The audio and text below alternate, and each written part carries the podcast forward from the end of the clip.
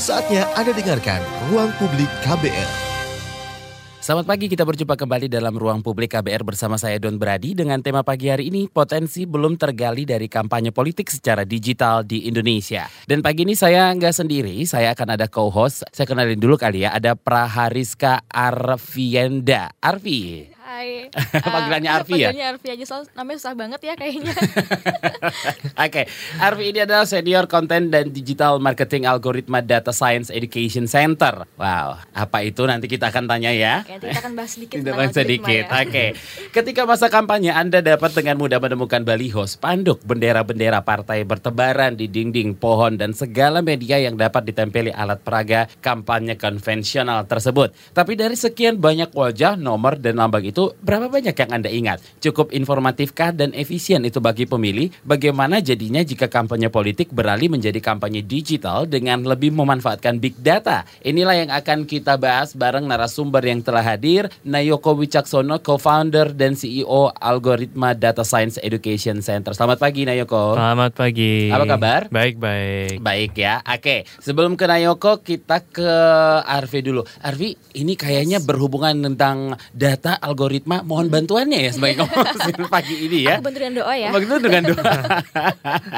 Jadi algoritma kalau dari ah, pengertiannya sendiri ya itu adalah penyedia layanan pelatihan workshop, bootcamp dan in-house training untuk data science ya. Algoritma dibangun dengan visi untuk eh, mendistribusikan ilmu data science ke berbagai kalangan dan membekali para, para profesional dengan keterampilan seputar data yang makin ke sini semakin banyak dibutuhkan dalam berbagai industri. Benar gak sih Arvi? Iya bener banget. Um, Hmm. Karena sekarang tuh kan eranya udah data tuh di mana-mana gitu kan. Hmm. Cuman nggak cukup orang untuk mengolah data tersebut. Jadi banyak industri yang kayak merasa, aduh gue tuh butuh gitu orang buat mengolah data. Cuman nggak ada resource-nya. Akhirnya algoritma ini, Nayoko dan kakak-kakak algoritma kita tuh Mhm. membangun algoritma dengan semangat itu untuk bikin orang tuh lebih familiar sama data science dan lebih paham sebenarnya apa sih ilmu data itu sebetulnya kayak gitu. Oke, kalau ada pertanyaan seperti ini, apa saja beda dan kelebihan dari kampanye digital dibanding yang konvensional, Nayoko? Nah, gini, interesting enough. Mungkin dari semua kita yang tadi, tadi pertanyaannya sangat bagus. Hmm. Banyak sekali banner-banner on the street dan Yes. uh, billboard. Sebenarnya berapa banyak sih yang sebenarnya uh, nge-hit kita in Ya, this case yang yang yang, benar-benar ingat gitu kan. ingat gitu kan? Kita lagi nyetir, Iya. bawa motor, naik mobil, itu cuman sekilas aja gitu betul, betul. Hmm.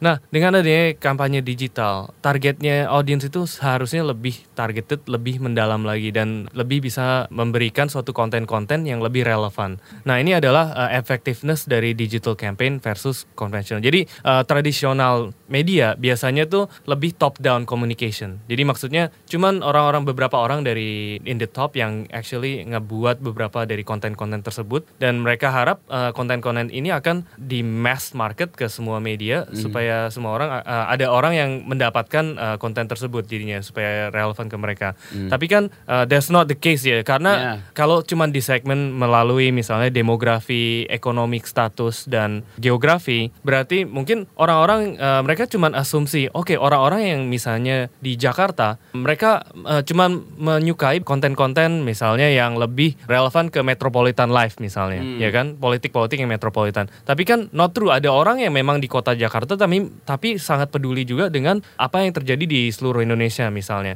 ya kan? Atau misalnya mungkin target kontennya waktu itu lebih ke seluruh wanita karena su- uh, tapi nggak semua wanita memilih pandangan yang sama gitu. Mhm. Jadi memang konten-konten digital ini memberikan sesuatu yang lebih customized ke individu jadinya. Dan uh, sesuatu yang individu ini sangat powerful karena ini mereka menggunakan namanya uh, behavior psychology. In a way yang behavior psychology itu bisa memberikan uh, sesuatu yang evoking emotion yang lebih sangat kuat. Emosi itu lebih powerful biasanya daripada uh, logic uh, for most people ya kan. Hmm. Makanya konten-konten yang sering di-share kadang-kadang ya ke misalnya fake news dan lain-lain itu lebih banyak uh, konten-konten yang ngebuat orang marah.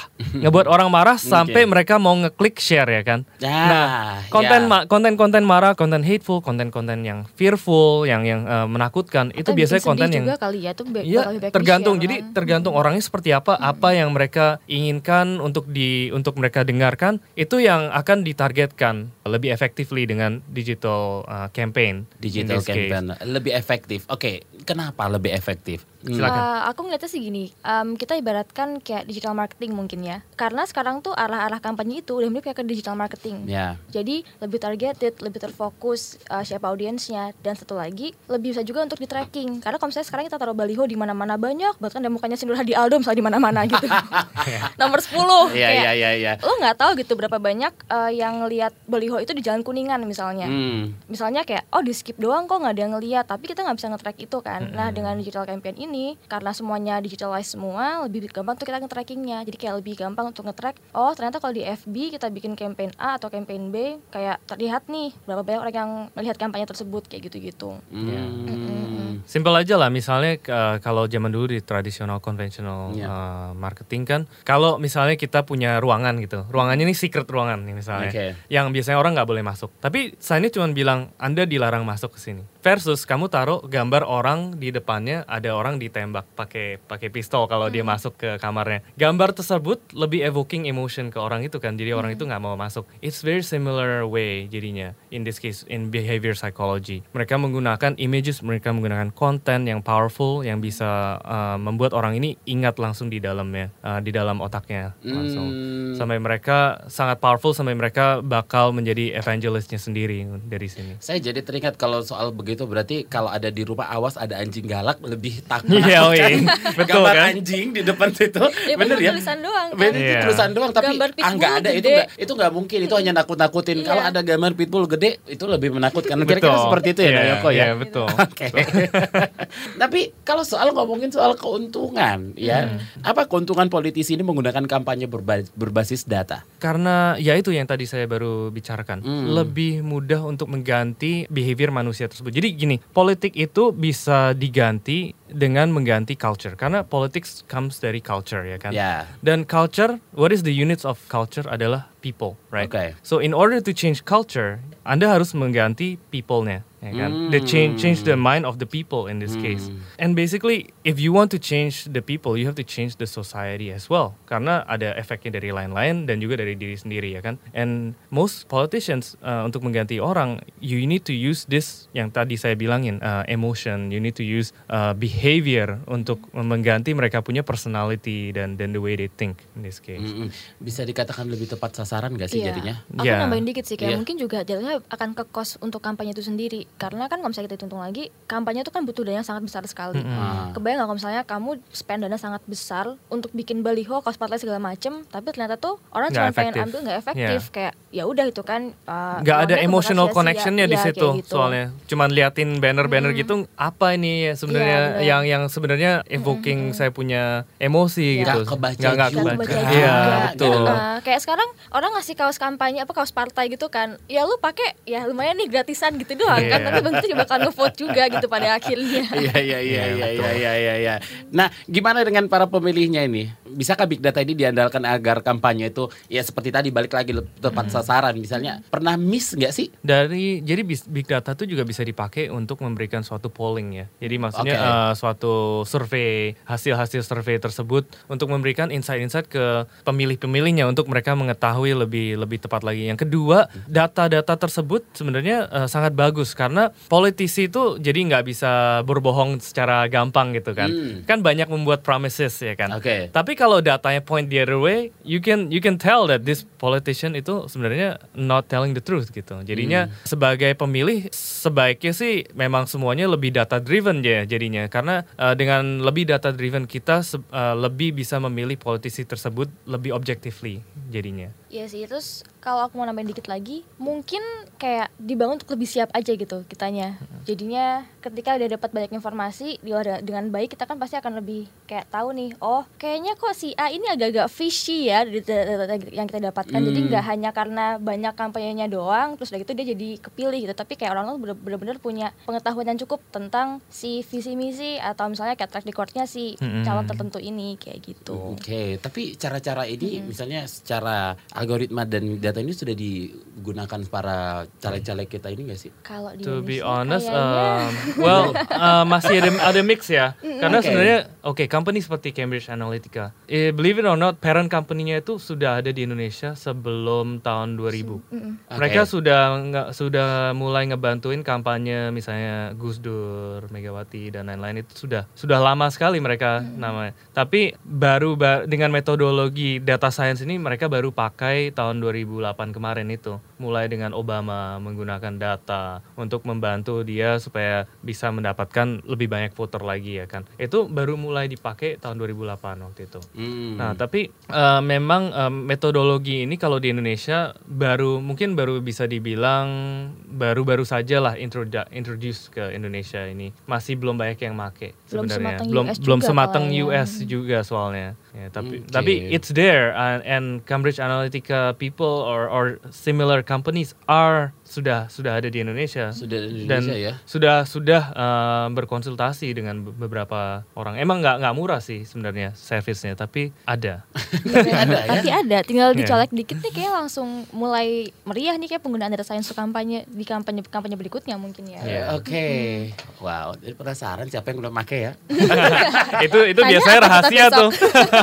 Nggak, kita sendiri mana tahu. Oh, kita nggak bisa tahu. kan kan biasanya Oke. ya karena karena ini juga sensitif ya kan eh, Ya, ya. biasanya kan Aha. berhubung juga dengan dengan privacy dan lain-lain gitu jadi biasanya mereka juga nggak mau dilihat sebagai party yang eh, menggunakan dan memanipulasi orang eh, melalui misalnya social media atau data Oke, lain-lain gitu. ngomongin soal privacy ini confidential. Maksudnya itu datanya itu bisa apa nama orang yang menggunakannya itu bisa nggak diketahui tertutup gitu? Jadi data itu kan eh, source-nya bisa dari macam-macam ya. Iya. Misalnya saya sebagai voter mungkin saya punya behavior credit scoringnya saya seperti apa misalnya. Oke. Atau saya subscribe ke apa aja news-newsnya. Dari situ kan biasanya news eh, suatu news outlet tuh ada ada afiliasinya lebih ke mana ke kandidat satu atau kandidat dua misalnya ya kan. Dari analisis saya subscribe ke mana, saya ekonomi statusnya seperti apa, saya suka travel ke mana, semua itu digabung data-data itu untuk Oke. membuat suatu rich Aha. insight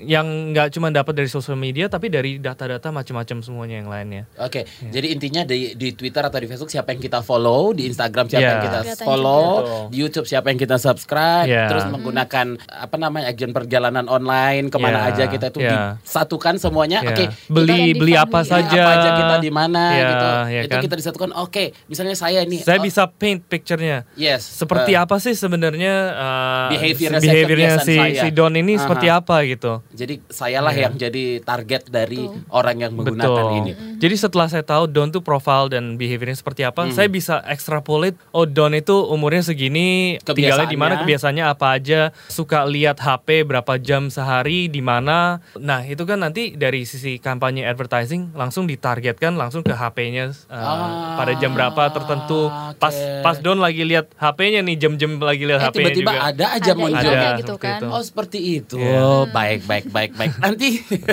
di segmen Agak-agak kedua serem ya. Agak-agak serem ya sekarang. Kita akan fokuskan. Saya pengen tanya negara mana yang telah menggunakan big data ini. Jangan ke mana-mana. Ruang publik akan kembali.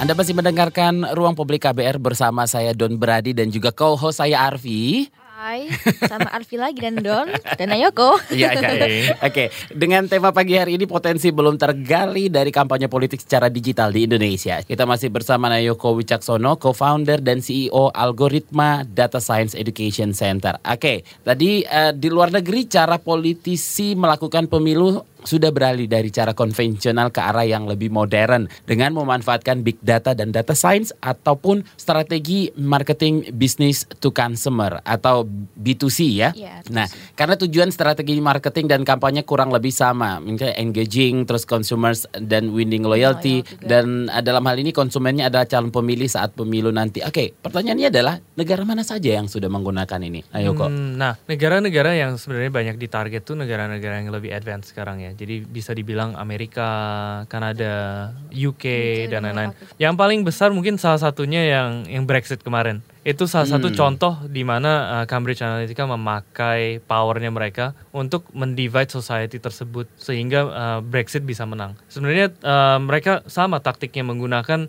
very targeted campaign. Mereka spend so much money di situ untuk Brexiternya untuk me- mendapatkan appeal dari Brexit terse- tersebut melalui uh, konten-konten fear, konten-konten yang menakutkan mereka. Which actually uh, banyak orang di seluruh dunia itu sebenarnya nggak suka baca sebenarnya kan. Ya. Mereka tuh nggak suka baca, nggak suka research, nggak suka fact check. Jadi mereka cuman biasanya take it as it is. Apalagi dengan zamannya social media ya. Kalau zaman dulu before social media, kebanyakan news itu di verify dulu oleh misalnya uh, news agency, jurnalis dan lain-lain. Tapi dengan zamannya social media, verification step tersebut hilang. Verification tuh didemocratize, ras- uh, diberikan ke seluruh semua semua orang kan. Jadi kalau kita individu uh, sendiri nggak nggak responsible untuk verification of the apa namanya the news, whether this is real atau fake atau gimana, ya yang pasti kita akan membantu untuk sharing fake news tersebut. Inilah yang terjadi di Brexit ya masa semua orang masalahnya. sekarang bisa bebas bikin beritanya mereka masing-masing Betul. gitu kan Iya, kayak iya. they- you can be your own journalist gitu. Jadi Mhm. kayak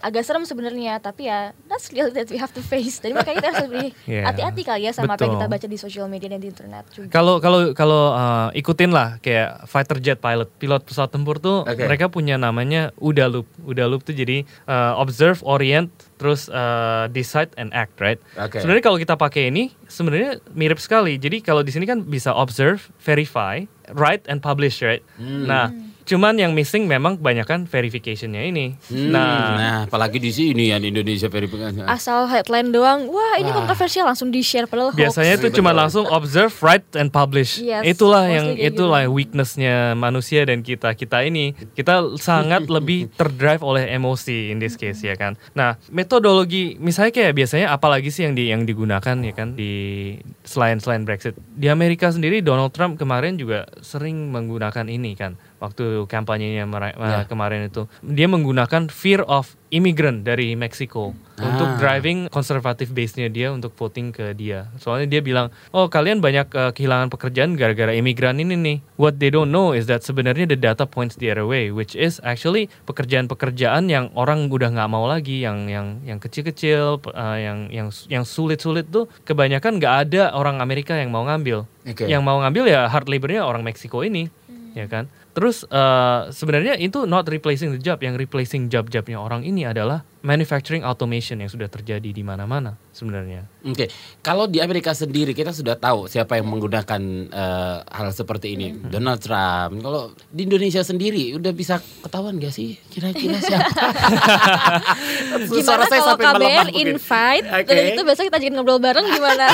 itu bisa tuh kayaknya. Oke, jadi pertanyaan ingin saya ganti begini, it's a bad thing kalau seorang mengakui menggunakan Cambridge Analytica ini. Mungkin karena sekarang tuh data tuh kan sensitif banget. Jadi mereka untuk ngaku keluar-keluar, hey gue pakai Cambridge Analytica loh. Hmm. Kayak mereka tuh lebih apa ya, lebih mawas diri kali ya. Daripada dikira, oh jadi lo kemarin tuh memanipulasi gue pakai data- data-data Cambridge Analytica kayak Tapi gitu-gitu. this is the fact, but ini kenyataannya Iya, seperti ini. Kenapa fact. harus uh, Betul, kalau nggak kalau satu kandidat pakai ini, yang lain harus pakai juga dong. Iya. So kalau nggak eh, playing fieldnya jadi nggak level kan? Mm-mm, mm-mm. Ya salah sendiri kenapa nggak pakai gitu. Iya betul. Iya. itu kejadian kan waktu pas di kampanyenya George W. Bush tahun 2004 dulu tuh si kompetitor partainya eh, dia nggak tahu kalau Bush tuh pakai gitu. Akhirnya baru kesampaian paket data science ini ketika di eranya Trump. Jadi kayak refreshnya lama banget kan udah 14 tahun coba tuh.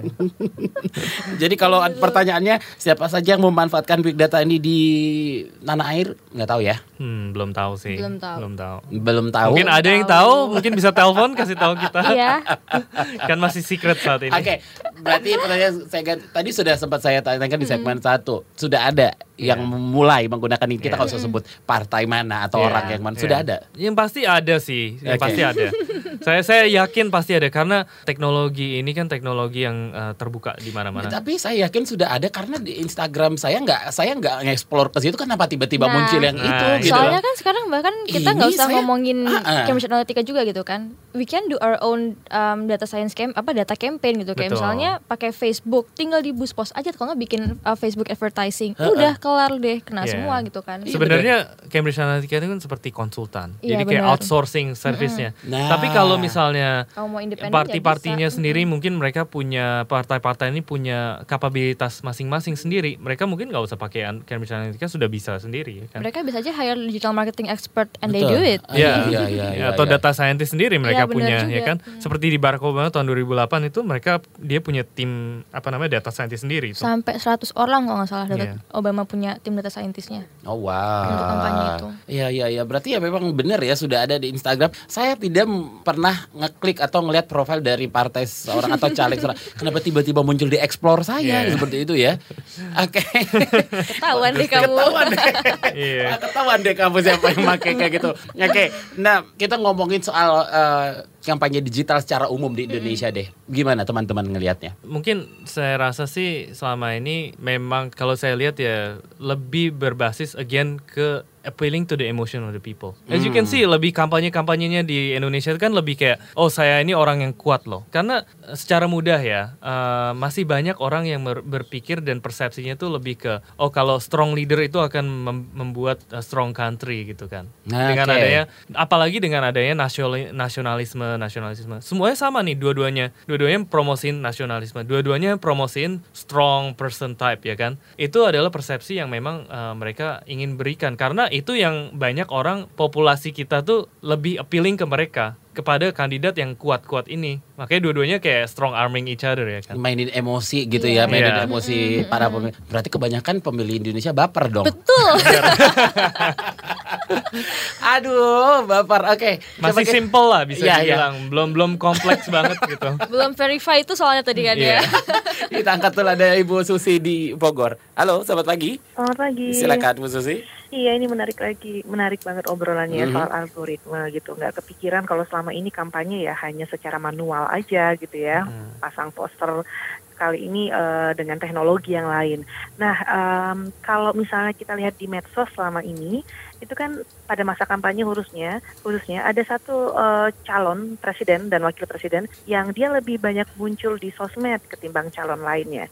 Apakah ini tanda-tandanya dia menggunakan algoritma atau hanya ya memang dianya saja yang memang aktif gitu nge-publish. Nah, terus apakah yang lebih banyak muncul di sosmed itu bisakah dia menarik perhatian orang gitu? Artinya dia bisa menang seperti itu atau enggak juga mempengaruhi pilihan orang dengan dia sering muncul di sosmed.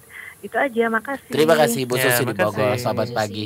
Ayo kok. Iya. Nah ini ini sebenarnya tergantung dari targetingnya sendiri juga. Kembali lagi ke Kembali targetnya ke sendiri ya. targetingnya. Bisa aja orang memakai misalnya sosmed sering-sering. Tapi kalau orang yang ya, menggunakan data-data dengan salah, targetnya akan salah juga. Jadi eh, dia bisa aja seperti dibilang kalau kita tuh punya ember, tapi embernya bolong bawahnya. Jadi Hmm. diisi air sebanyak mungkin pun pasti airnya bocor terus Hmm. ke mana-mana. Jadi tergantung funnelingnya itu bener apa enggak kalau misalnya menggunakan campaign secara digital. Kalau targeting dan cara eh, menggunakan datanya salah, dia pasti mentargetkan orang yang salah dan behavior yang salah. Jadi orang tersebut nggak bakal eh, menjadi voternya dia. Ini ini sangat tergantung dari eh, expertise-nya orang-orang masing-masing di situ. Makanya setiap partai-partai ini harus memiliki orang-orang seperti ini yang bisa memberikan suatu targeted advertising jadinya. Hmm. Ya, tar- jadi kalau bisa dibilang ya uh, sebenarnya kan advertising ini seperti apa ya? Seperti weaponnya, seperti uh, pistolnya, Senjata ya kan, ya. senjatanya ya, Ya, kan. mhm. Dan uh, the bullet is actually the content, ya kan. Pelurunya itu adalah kontennya kontennya ya. ya, kan. Hmm. Jadi kalau saya pakai uh, weapon yang lebih sophisticated, misalnya saya pakai guided missile atau something, itu kan lebih targeted jadinya. Dibanding saya cuma pakai bedil biasa gitu ya kan. Jadi tergantung uh, sebenarnya setiap kandidat tuh seberapa sophisticated mereka memiliki uh, tim-tim tersebut atau kapabilitas tersebut. Hmm, ya kan. Oke, saya sudah mulai membayangkan. Ya. Nanti kita harus break dulu. Kita akan kembali lagi. Jangan ke mana-mana. Ruang publik akan kembali.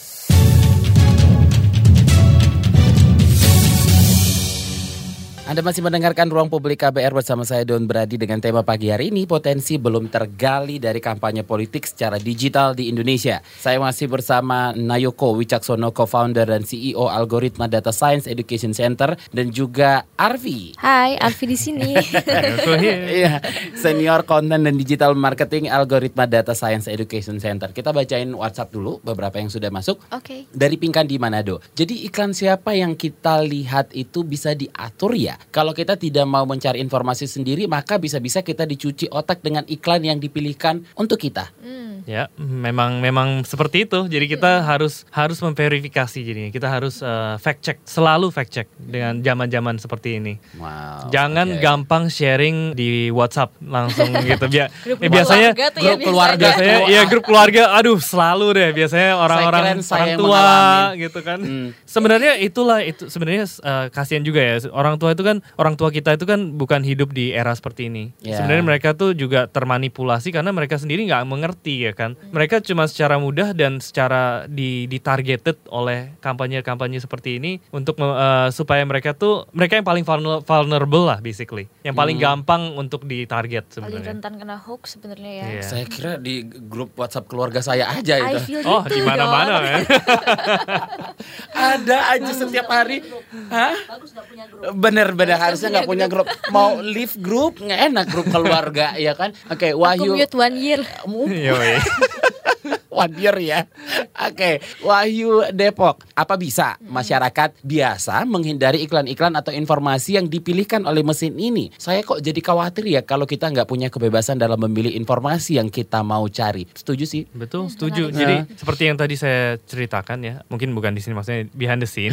Uh, jadi kita itu sebagai uh, individu harus memi- harus avoid namanya echo chamber. Nah, echo chamber itu apa, Arfi? Coba Eh. cerita deh. Echo chamber tuh jadinya kayak kita di dalam sebuah gelembung gitu loh kayak satu satu ruangan satu kamar yang kalau kita terpapar sama satu informasi itu terus yang kita dapatkan kayak misalnya em, saya Kayak dalam peribahasa katak dalam ketempurung nggak katak sih? dalam Iya. tempurung kayak Ya, gitu Jadi ideologinya tuh nggak bisa berganti di situ-situ Uh-uh. terus. Saya cuma mendengarkan ideologi yang sama, mendengarkan uh, belief yang sama. Oke. Tapi saya nggak bisa mendengarkan uh, pandangannya orang lain misalnya, karena saya nggak berinteraksi dengan orang lain. Saya juga nggak subscribe ke news-newsnya yang Pasangan yang yang gitu. ya yang yang yang pandangannya berbeda dengan saya. Karena ini inilah yang terjadi di social media kebanyakan. Saya cuman uh, social media membantu kita untuk mengcustomize apa yang kita ingin dengarkan ya kan. Hmm. Yang kita ingin dengarkan ya eh, akan di enhance secara baik dengan social media, di optimize lebih baik lagi. Sehingga kalau kita mendengarkan konten-konten yang misalnya ke satu partai, berarti ya cuma dengarnya itu itu terus.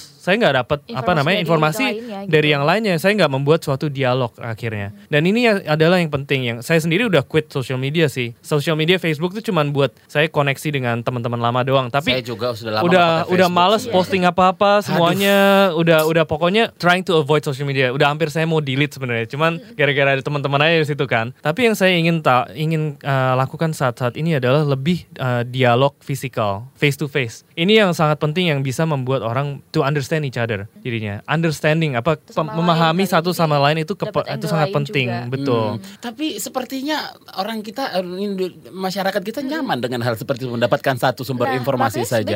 Makanya perlu- terjadilah fanatisme. betul Iya. Benar nggak sih? ya betul Oke, berarti awalnya dari situ saudara-saudara harus kita mau sudah. subscribe ke yang lain-lain Iya iya iya kan. iya iya iya iya iya. Kebiasaan dari dulu ini sebelum ada jam digital malas baca, jadi taunya informasi dari satu aja. Betul. Kita dapat begini informasi dari itu aja jadilah fanatisme. Benar nggak sih? Setuju nggak teman-teman? Betul, betul. nggak ada nggak ada namanya uh, interaksi ya. gitu kan. Iya, bandingnya nggak ada jadinya Iya. ya udah gitu Dan Oke. fanatisme ini ya ini kan uh, semuanya kampanye-kampanye digital ini juga cost uang kan, Hmm, money. hmm. Jadi pasti ada ada backernya ini, ada ada orang yang memang instigasi untuk taruhin duit terus bakar duit terus di sini. Oke, Iya kan? Anwar di Kalimantan. Saya mau milih mencari informasi yang saya inginkan lewat Google, bukan yang ada di sosmed. Apakah ini lebih baik atau sama saja? Sebenarnya mirip-mirip juga sih di Google juga ma- lebih baik daripada di social media Oke. yang pasti. Tapi kalau di Google itu kan juga ada namanya paid advertising ya. Jadi bisa juga orang kalau punya duit mau advertising, eh, saya misalnya searching suatu keyword kayak Ya. kandidat A gitu kan, kandidat A apa, Kandidat pro- yang tidak kan- korupsi, yang tidak korupsi kayak- misalnya betul Diarahin ya kan itu gitu jadi kan. keyword keyword tersebut dibeli oleh oleh kampanye uh, kandidat korupsi. tersebut yang korupsi terus di dibuat uh, konten baru pas lagi kita searching tahu-tahu di atasnya yang muncul duluan tuh dia, gitu ya kan Ah. padahal belum tentu relevan belum juga tentu relevan sebenarnya. juga gitu gitu. Ya. Tapi in general, in general, ah. sebaiknya kita tuh kalau menggunakan kalau kita melihat suatu konten seperti itu, kita harus ada at least tiga source lain, ya Tiga kan? yang tiga source ya. lain yang memiliki uh, source-nya sendiri seperti itu ada reputasinya. Itulah cara untuk memverifikasi yang benar. Apakah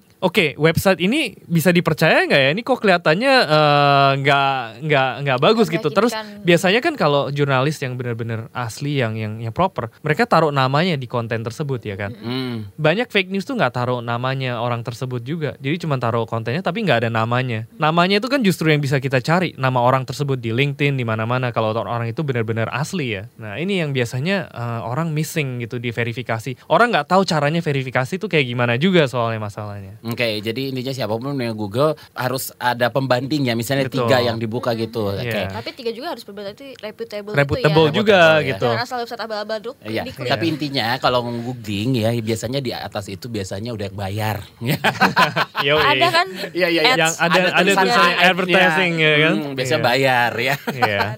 Oke, Dewi Padang. Saya lama-lama takut dengan dunia maya ini. Oke, takut rahasia atau dokumen saya bisa bocor. Bisa nggak ya masa internet ditinggalkan? Waduh. Susah sih, sudah Kayaknya gue menjadi gak kebayang ya internet.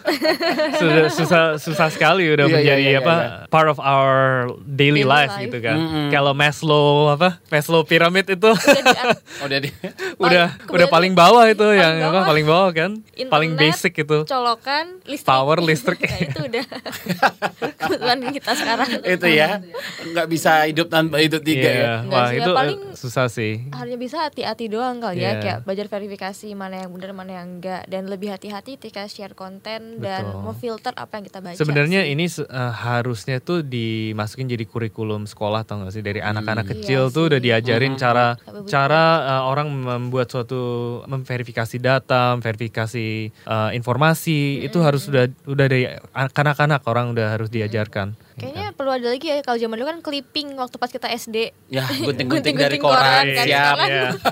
Siap Sekarang Arfi mungkin ya. filter-filter berita-berita digital. Eh, tawan umurnya deh gue bete. Siap. masih kok anak Semarang masih ada Oh, clipping. masih ada. Oke, alhamdulillah. Oke, Nanang di Surabaya. Tadi disebutkan kita nggak bakal tahu siapa caleg yang pakai kampanye online. Kenapa ya rahasia? Kan wajahnya atau namanya muncul terus. Kan logikanya dia yang pesen. Iya. Hmm. ya mungkin mungkin karena kan kadang-kadang ada bisa aja kayak saya advertising karena saya untuk untuk kandidat A karena saya sangat sangat suka dengan orang itu jadi saya yang bayarin gitu kan. Jadi nggak nggak Ah. selalu nggak selalu bisa dari orang tersebut ya kan. Oke. Ya, oke. tapi tapi kalau memang memang official page-nya dari dia kan kelihatan juga gitu source-nya dari mana. Jadi sebenarnya mereka juga mungkin nggak nggak nggak tutup-tutup kan. Karena misalnya kandidat A memiliki official page di di di mana terus mereka melakukan kampanye online ya kan. Itu udah Mhm. kelihatan tuh siapa aja yang yang yang membuat kampanye tersebut biasanya. Hmm. Tapi nggak selalu biasanya nggak selalu orang tersebut yang harus eh, yang yang bisa advertising juga. Bisa aja kayak eh, supporter supporter supporternya juga kalau mau. Oke, dari data yang dirilis oleh We Are Social pada tahun 2018 ya, Indonesia itu memiliki 265,4 juta penduduk dengan pengguna mobile device, Hmm. sebanyak 177,9 juta dan memiliki eh, 130 juta pengguna media sosial aktif, nggak main-main nih jumlahnya Oh, ya. banyak banget. Banyak banget. Setengah dari Iya. jumlah gitu. Tentunya ini merupakan sumber data yang sangat melimpah dan dapat dimanfaatkan oleh partai atau pelaku kampanye. Oke, sebelum kita break, apa yang membuat Indonesia masih sulit migrasi ke sistem digital dalam kampanye politik? Padahal penggunanya banyak banget ini, Nayoko. Ya sebenarnya sih memang karena data-data itu saat ini memang nggak nggak nggak perfect ya. Hmm. Nggak semua data itu digital saat ini. Masih ada yang offline kayak survei-survey itu kan masih on paper and pen. Oke. Ya jadi ini ini adalah kesulitannya mungkin ke depannya bisa dilihat nanti uh, orang mensurvei langsung lewat online, lewat apa namanya lewat HP langsung ya kan Ud- sudah mulai seperti uh, company seperti apa ya kemarin surveying lewat Snapchat atau lewat Jackpot misalnya ada banyak ways untuk surveying secara online sebenarnya. Jadi uh, ini tapi baru mulai ya dan itu belum sampai uh, level yang kayak di Amerika gitu. Jadi surveying itu sebenarnya ada tapi memang behaviornya belum nyampe ke sono karena me- Hmm. memang masih mindsetnya tuh door to door seperti itu dan ini sangat mahal door to door itu ya kan. Oke. Kalau de- dengan adanya orang yang memiliki HP segini banyak itu ke depannya saya lihat survei semakin banyak akan dilakukan secara digital supaya datanya lebih gampang untuk Lebih diolah. gampang dan bisa tercakup semuanya ya. Iya. Oke, jangan ke mana-mana, Ruang Publik akan kembali.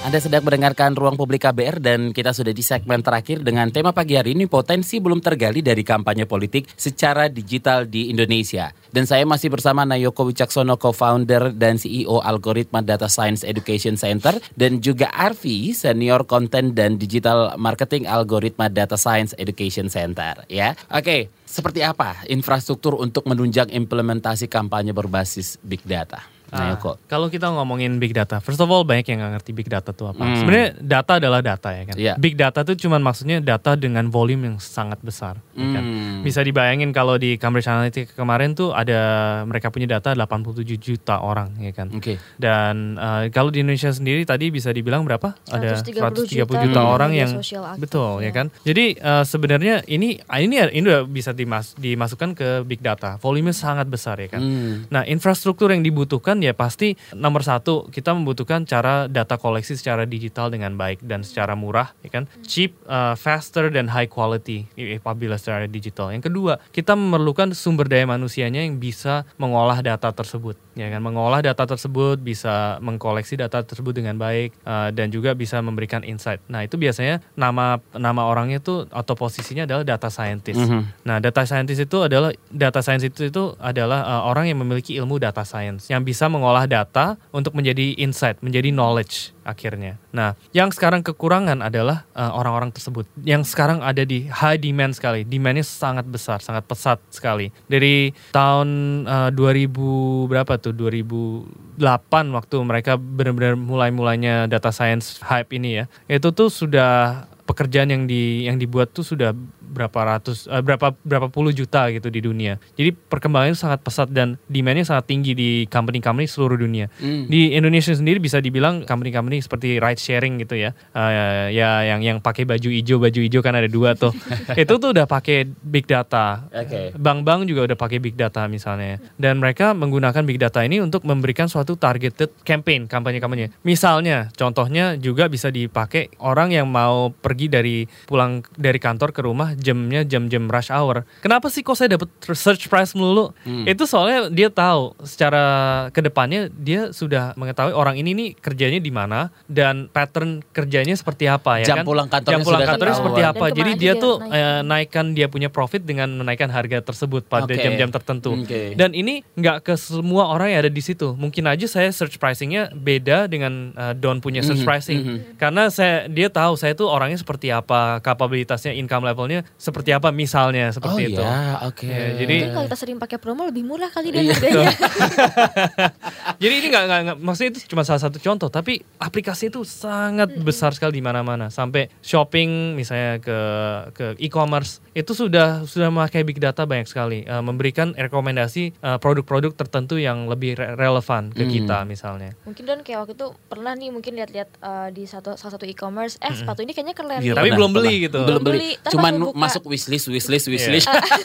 Nah, terus Sobat langsung Miss tuh. Queen ya.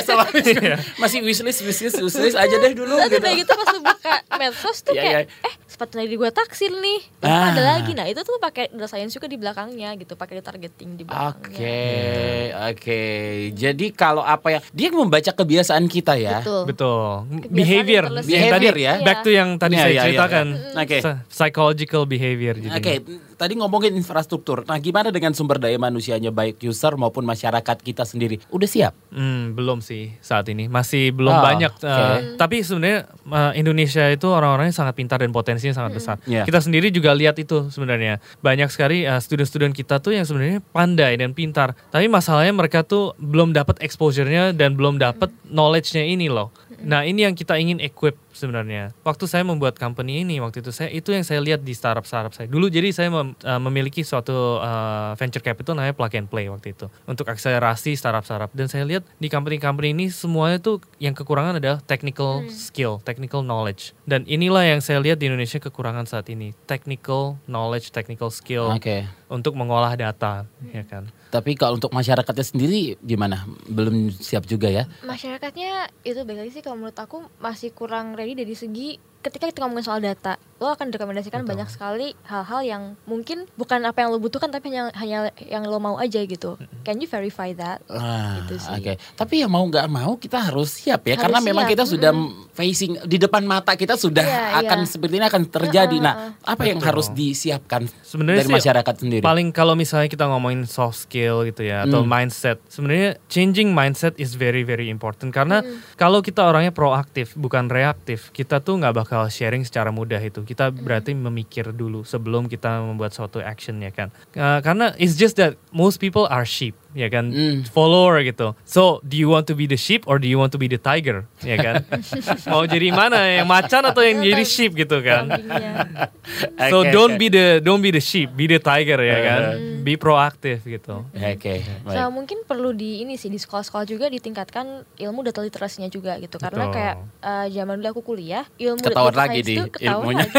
2010 ya jelas oke, oke. oke. jadi kayak zaman aku kuliah tuh belum ada ilmu kayak data science segala macam Oke. bahkan aku pun tuh ada mata kuliah digital marketing tapi mereka tuh nggak ngajarin tentang apa itu Google Analytics segala macam padahal itu yang akan kita butuhkan gitu kan Betul. Iya. jadi kayak mungkin perlu lebih keep up sama zaman sekarang aja sih pendidikan kita sekarang untuk Betul. ngajarin orang tuh sepenting apa data itu gitu. Karena Kenapa karena sih? dulu itu kita uh, lebih di untuk manufacturing sector ya. Jadi Iya. memang edukasinya sangat-sangat tailored untuk manufacturing sector. Di mana kayak semuanya itu uniform, Iya. nggak boleh nanya, nggak boleh ini, nggak boleh itu ya kan. Jadi kita harus follow order doang.